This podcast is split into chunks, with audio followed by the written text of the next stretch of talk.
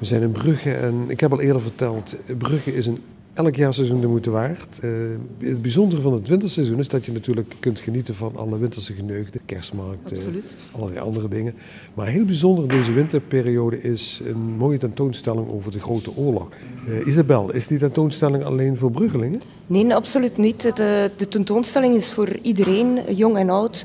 Uh, Belgen, er is Nederlanders, uh, er zijn ook vertaalde teksten in heel wat stukken. Het is eigenlijk voor iedereen bedoeld. Ja. Wat gaan mensen zien, beleven in deze tentoonstelling? Um, enerzijds is er dus een, een fototentoonstelling. de curator is Karel de Keizer.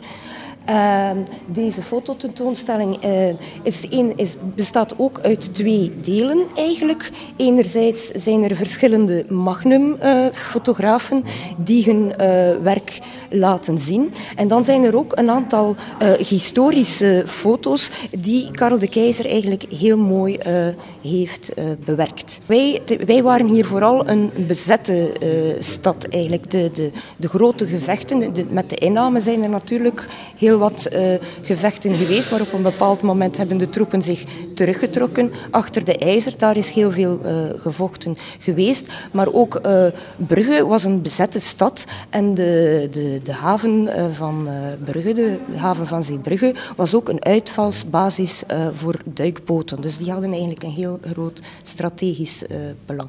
Ja, we gaan Brugge in de oorlog zien. Dat doen we straks in een andere uitzending.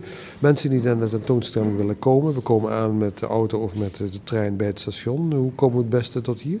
Uh, dus van het station, bij het station zijn er dus uh, uh, speciale parkings. En als u die parking gebruikt, krijgt u ook een, een, een speciaal ticket. Ook tijdens de shoppingdagen. Er zijn een aantal shoppingdagen waarbij het busvervoer volledig gratis is. Ja, ook. Dus u neemt het de bus van het station richting centrum en u stapt af aan de markt. Ja. Nou, in de markt, aan de markt stappen we af en dan vinden we de stadshallen eigenlijk uh, aan de zuidkant van de markt.